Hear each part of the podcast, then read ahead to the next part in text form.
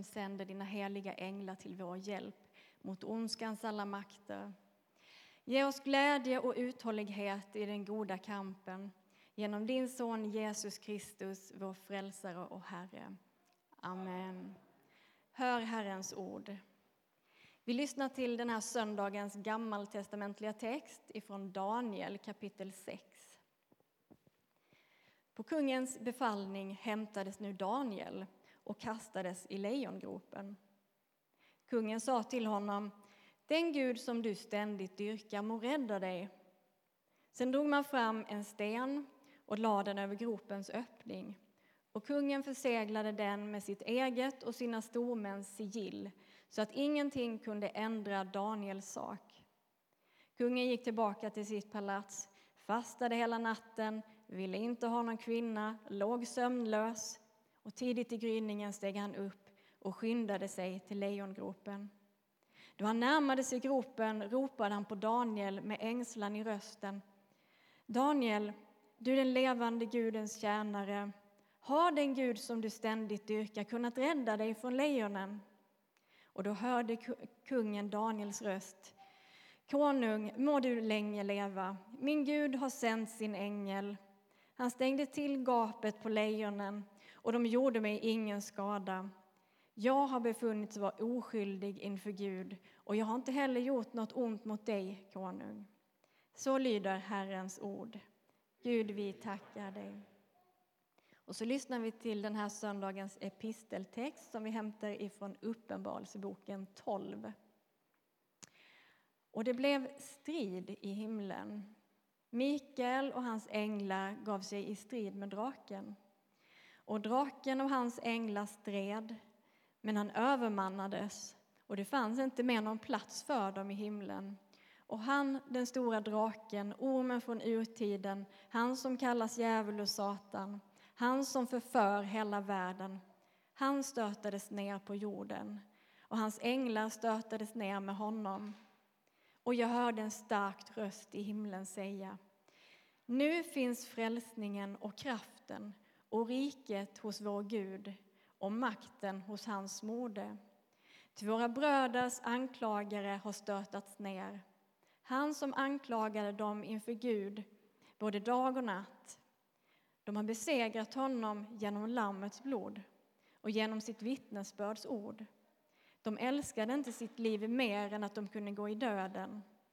Jubla därför, ni himlar och ni som bor i dem, men ve över jorden och havet. Djävulen har stigit ner till er och hans raseri är stort, ty han vet att hans tid är kort. Så lyder Herrens ord. Gud, vi tackar dig.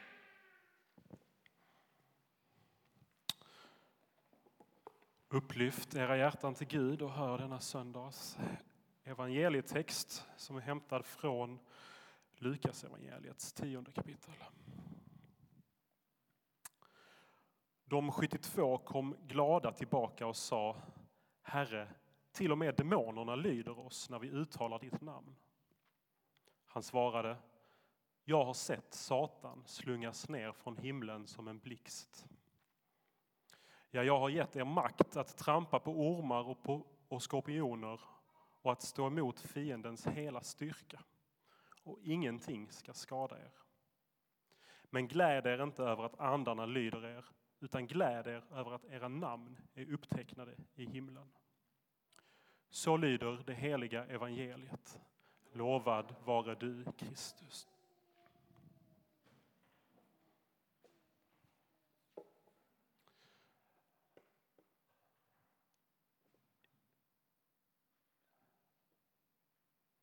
I episteltexten för söndagen får Johannes se rakt in i den eviga världens hemligheter. Vad som rör sig, vad som sker och vad som kommer ske i den andliga verkligheten. Och tidsperspektivet är lite oklart. Det verkar som att eh, detta kan vara en beskrivning av ett slags eh, syndafall i himlen som eh, har skett då eh, djävulen föll. och tillsammans med honom ett antal änglar. Det skulle också kunna ses som en beskrivning av vad som väntar i den eh, yttersta tiden, vid tidens slut, då djävulen till sist ska bli övervunnen och besegrad. Evangelietexten där Jesus säger att eh, han har sett djävulen eh, nedslungad från himlen som en blixt. Kanske talar det för den där första läsningen, att detta redan har skett. Kanske inte. Mer rimligt, tänker jag, är att tänka om den här texten att den beskriver någonting som sker utanför tiden. Något som varken kommer hända eller har hänt egentligen eftersom att det är bortom sådana tidskategorier. Alltså Guds eviga seger över ondskan helt utanför vår förståelsehorisont, kanske. Det är i alla fall en mäktig scen som beskrivs. En strid i himlen. Mikael leder änglar som strider mot Satan och hans änglar. Och Satan besegras. Och han och hans änglar störtas ner, faller ner på jorden. Och sen så kommer den här rösten som talar ut någon slags sammanfattning av det som har skett. Att nu tillhör frälsningen och makten och riket vår Gud och väldet hans smorde. Det som eh, två riken skulle vi nästan kunna tänka oss som har legat länge i krig med varandra, som kämpat små strider och nu så samlar de sig till ett sista avgörande slag där det ena riket ska segra och det andra ska gå under. Men inte bara då det att det är två riken utan det här är hela världens historia som ska avgöras i denna strid. Det är ljuset, sanningen, kärleken, livet mot mörkret, lögnen, hatet, döden. Och det är godheten då, ljuset som går segrande ur den här kampen. Djävulen som går under och är förlorad. Och den här eviga sanningen då, bortom tiden, bortom vår förståelse, bortom vårt språk, får Johannes se framför sig. Men hur slås bryggan från den här himmelska segern till mitt liv, till ditt liv? Hur blir det här någonting som kommer oss till del när det nu är liksom bortom oss? Jo, svaret är att vägen från den eviga segern i himlen bortom tid till våra liv, det går genom Jesus Kristus. På ett ställe i Matteus evangeliet så säger Jesus till sina lärjungar så här att ni har fått del i himmelrikets mysterier, eller hemligheter. Samma ord på, på grekiska.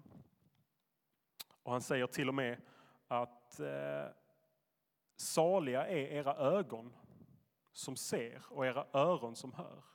Jag säger er sanningen, många profeter och rättfärdiga längtade efter att få se det ni ser, men fick inte se det, och höra det ni hör, men fick inte höra det. Alltså, eftersom lärjungarna får se Jesus, eftersom att de får höra honom tala, så har de fått del i himmelrikets mysterier.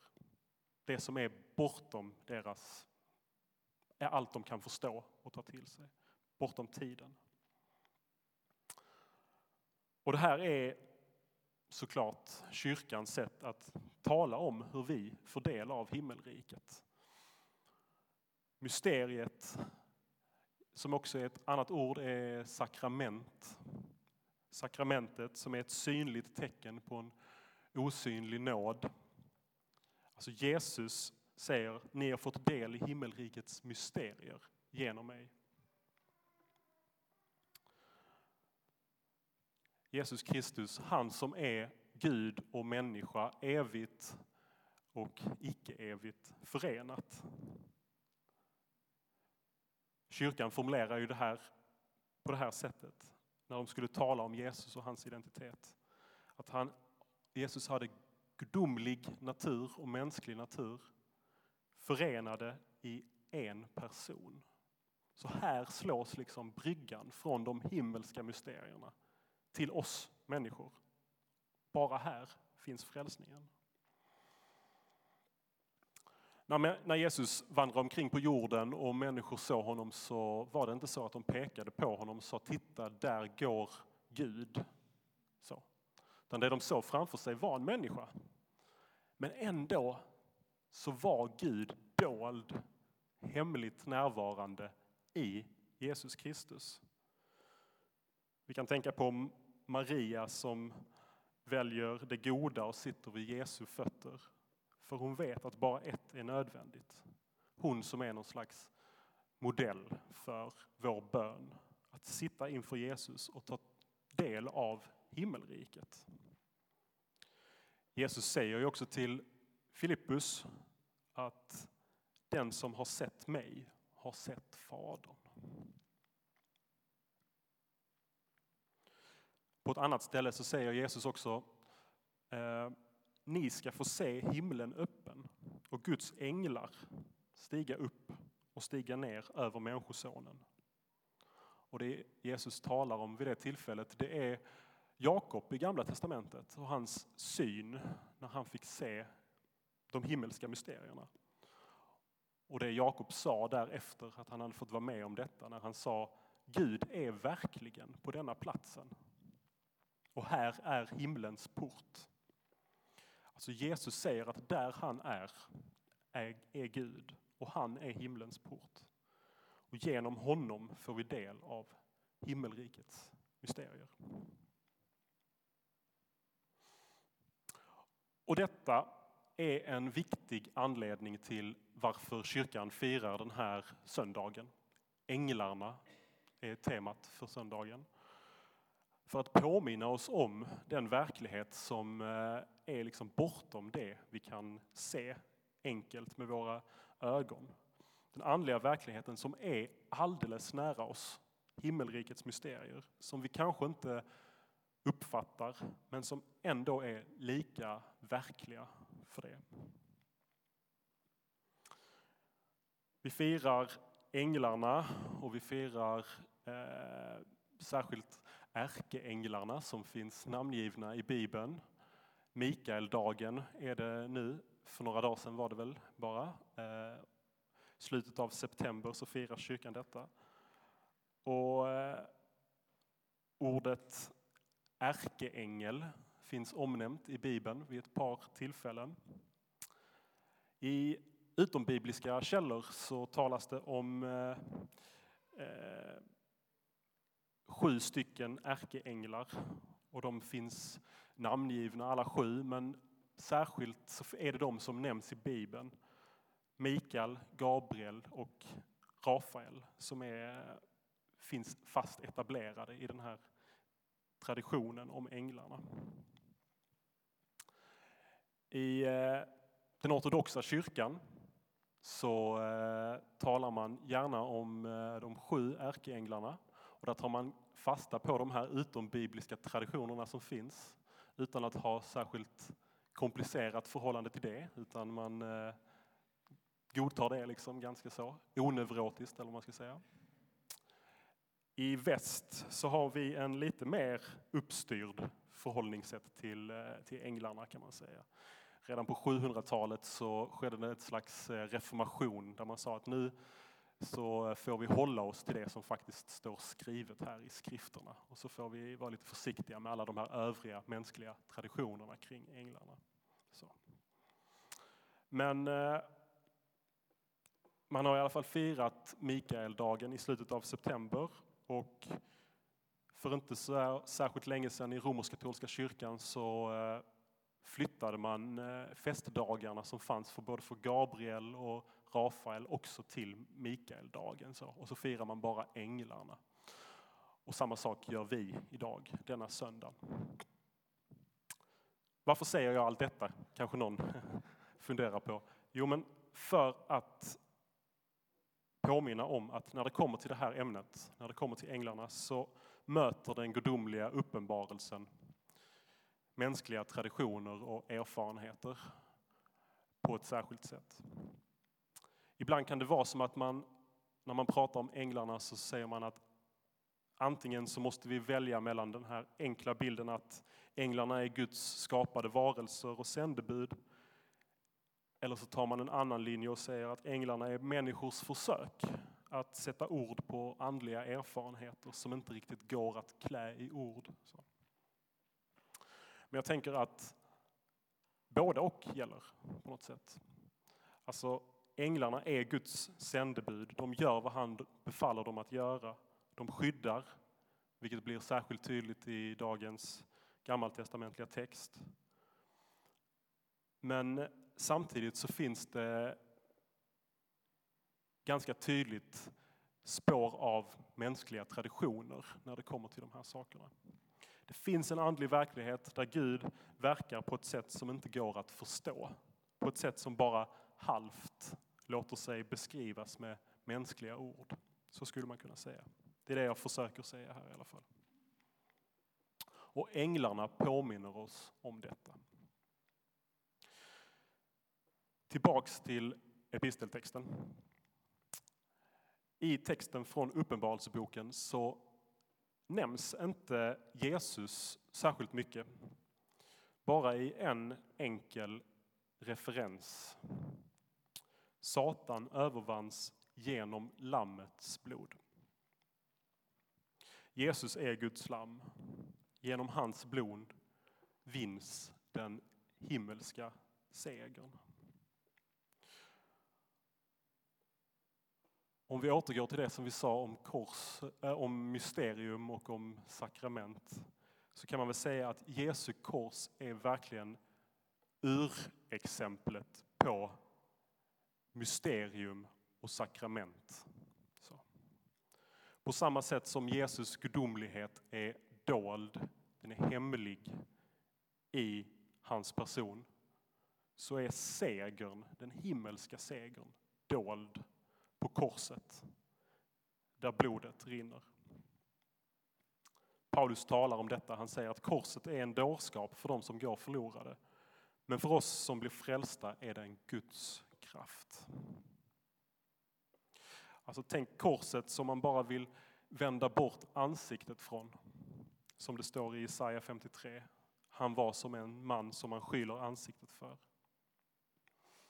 Vi har ju gjort som kristna korset till eh, någonting som vi är stolta över. Ett slags segerns tecken som en flagga som vi viftar med. Men tänk hur det ser ut från början. Nederlag, blod, svett, förnedring, död. Och mitt i detta mörker så är segern gömd mystiskt närvarande, om man vill säga det på ett lite mer komplicerat sätt. Bara den som har trons ögon kan se hur Gud i det här mörkret är närvarande, hur han vänder lidandet till någonting gott. Johannes, som hade trons blick, han står vid Jesu kors och han ser vattnet och blodet rinna ut ur sidan på Jesus. Och han skriver att de är tre som vittnar. Anden, vattnet och blodet. Och dessa tre är eniga.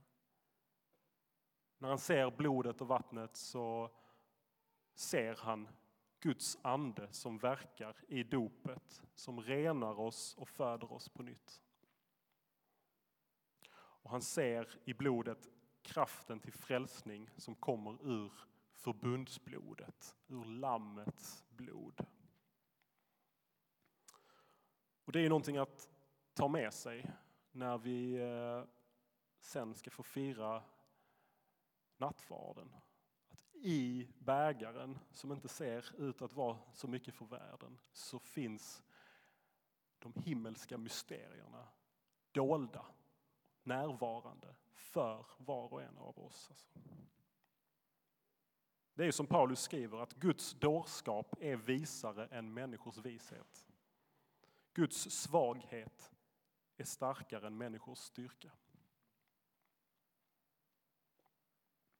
Alltså vi har var och en fått del av himmelrikets mysterier. Och det djupaste mysteriet av dem alla, det är att segern vanns genom blodet.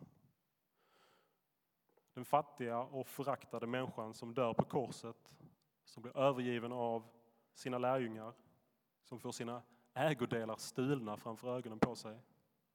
Han och ingen annan är lammet. Hans död ändrar historien, ändrar ditt liv. Detta är ett mysterium som du får ta del av, men bara genom nåd. Det är ingenting du kan tänka dig själv fram till, utan ett budskap som du bara får underordna dig och ta emot i ödmjukhet och lita på. Och visst är det också speciellt detta att när man får den här stora beskrivningen av striden i himlen så vinns inte segern genom Mikaels stora kraft, genom änglarnas stora antal eller något liknande, utan segern vinns genom Lammets blod. Detta är liksom den kristna berättelsen, den kristna dramaturgin som är nerlagd i hela skapelsen, men som syns allra tydligast i Kristus. Där blir den uppenbarad. Att segern vinns inte genom styrka, utan segern vinns genom svaghet.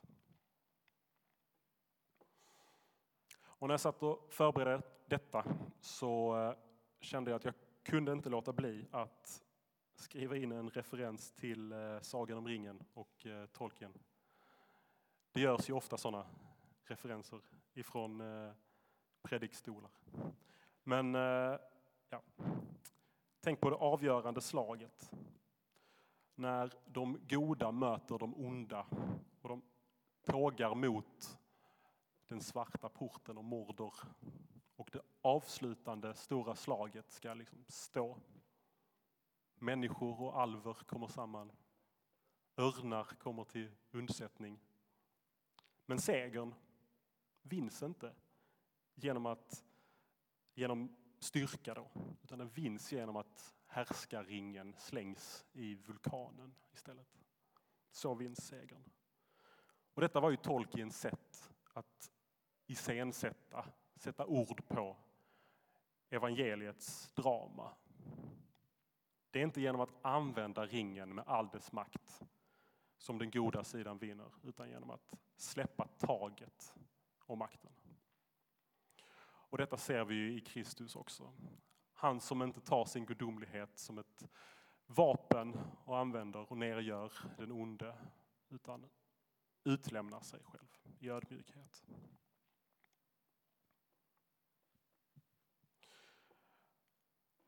Om vi nu har del i allt detta, denna himmelska seger som är vunnen en gång för alla bortom oss själva. Hur, och vi har det genom Kristus, hur liksom påverkar det våra liv? Hur vi tänker om oss själva och hur vi lever? Jo, en påminnelse får ju bli i alla fall att vi vinner inte segern, vi vinner inte livet genom att samla på så mycket som möjligt i styrka, utan vi vinner livet genom att lägga ner det, som Jesus själv säger. Och bara som en sista sak som jag vill eh, skicka med här, ett citat att avsluta med från, från eh, ökenfädernas tänkespråk, är följande här då. Abba Antonius sa också, jag såg djävulens alla snaror utlagda på jorden och med en djup suck sa jag, vem kan väl undgå dem? Då hörde jag en röst som svarade, ödmjukheten. Alltså, Satan har lagt ut snaror för oss överallt och vi kan så lätt falla i synd. Men det finns ett sätt att avväpna djävulen som går igen liksom, i evighet bortom oss själva. Och det är svagheten och ödmjukheten som gör att vi kan undgå mycket av de snaror som han har lagt ut. Så. Vi kan väl samla oss och be en eh, bön här. Jag vill tacka dig Herre för den här texten som vi har fått läsa nu tillsammans. Vi tackar dig för att segern är vunnen, för att din är makten. Herre.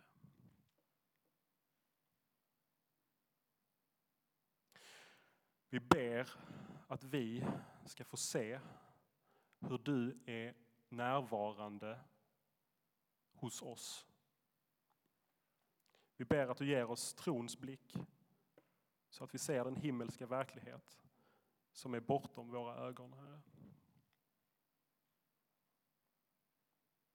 Och vi ber dig, Herre, att vi ska få följa dig i ödmjukhetens väg.